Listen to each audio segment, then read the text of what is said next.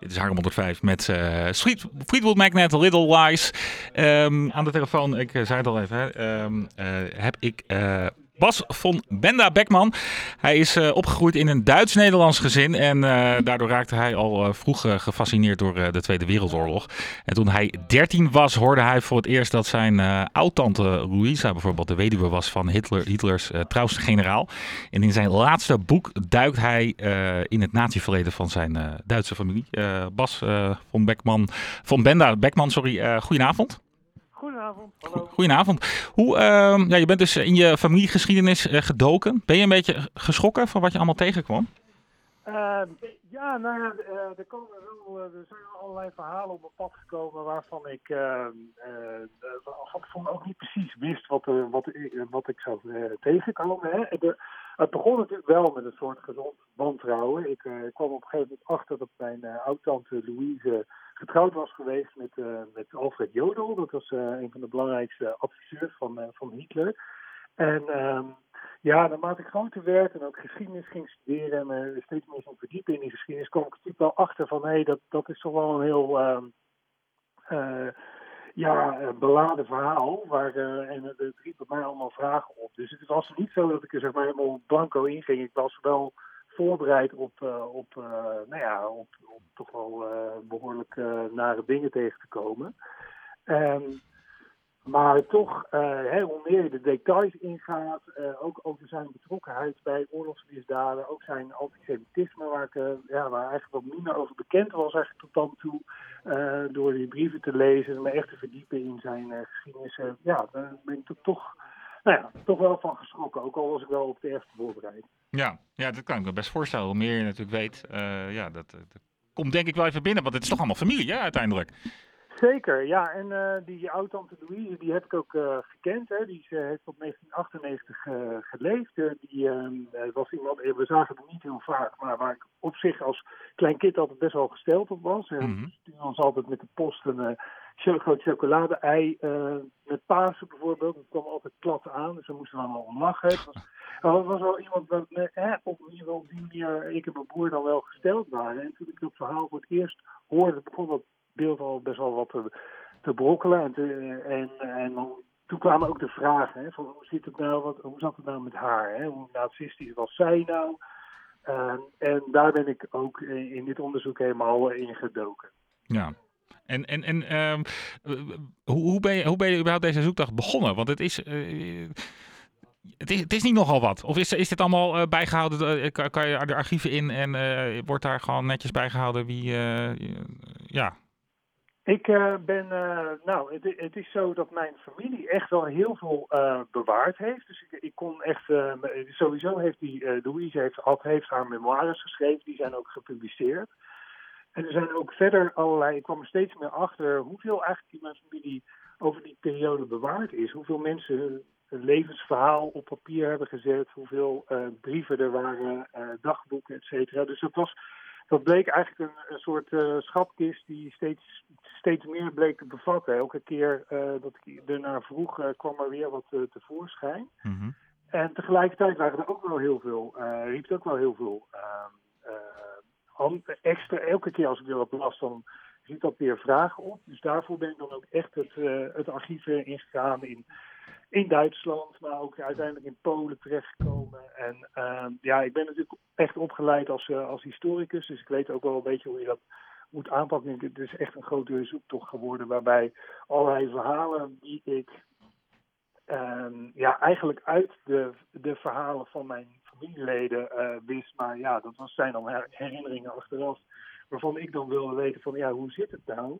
Klopt het nou allemaal wel wat die mensen vertellen? Um, dat heb ik via dat archiefonderzoek best wel kunnen doen. En ook door gewoon een beroep te doen op ja, geschiedschrijving, onderzoek wat andere mensen al hebben gedaan. Ja, en, en hoe kijkt jouw uh, de Duitse familie uh, op, op dit boek en het onderzoek? Want het lijkt me ook nou, een beetje een soort open wond waar je in gaat graven.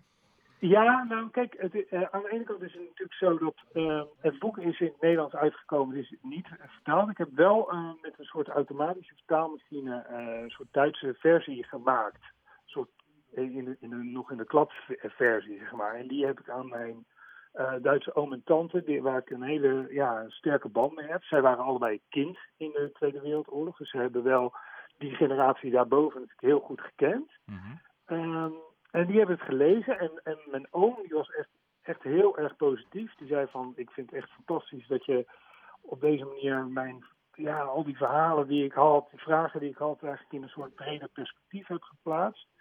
En mijn tante die um, vindt het ook wel lastig, want die ziet ook wel, uh, ja, je ziet ook wel echt wel de kwaliteit van het boek, maar die ja, heeft ook wel zoiets van, ah, je bent wel heel streng geweest of zo, voor, best wel kritisch geweest naar die familie. En daar heeft ze nou, in ieder geval gemengde gevoelens over. Dus het is zo dat wij daar wel echt veel over hebben gepraat. En ook wel echt in, in, in een goede zin hoor, in, in een goede sfeer. Maar nou, ze vindt dat best wel lastig ook. Ja. En dat kan me ook wel wat bij voorstellen als het over je eigen oom en tante en je eigen ouders gaat en zo. Dan is dat ook wel begrijpelijk. Ja.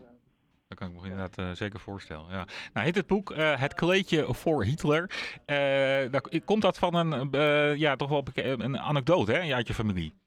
Ja, precies. Het is een van de verhalen die de ronde gingen, waarvan ik me afvroeg van, hé, hey, hoe zit dat nou?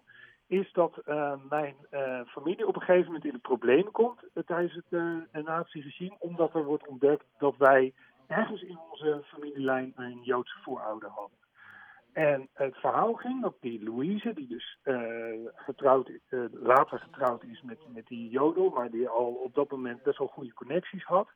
Uh, op een gegeven moment, ehm, op het moment dat die familie in de problemen komt, actie onderneemt en een brief schrijft aan de Rijkskanselarij, dus aan Hitler uiteindelijk, met het verzoek om een soort gratie te krijgen van die Joodse familieachtergrond, om eigenlijk de familie Arisch te maken. En het verhaal ging dus dat, uh, dat die gratie uh, werd verstrekt door Hitler. En dat uh, als dank daarvoor onze familie aan Hitler een kostbaar erfstuk, namelijk een soort tafelkleed, kostbaar geborduurd met jachttaferelen zou hebben geschonken. En daarvan wilde ik heel graag weten van wat klopt er nou van dat verhaal? Ja.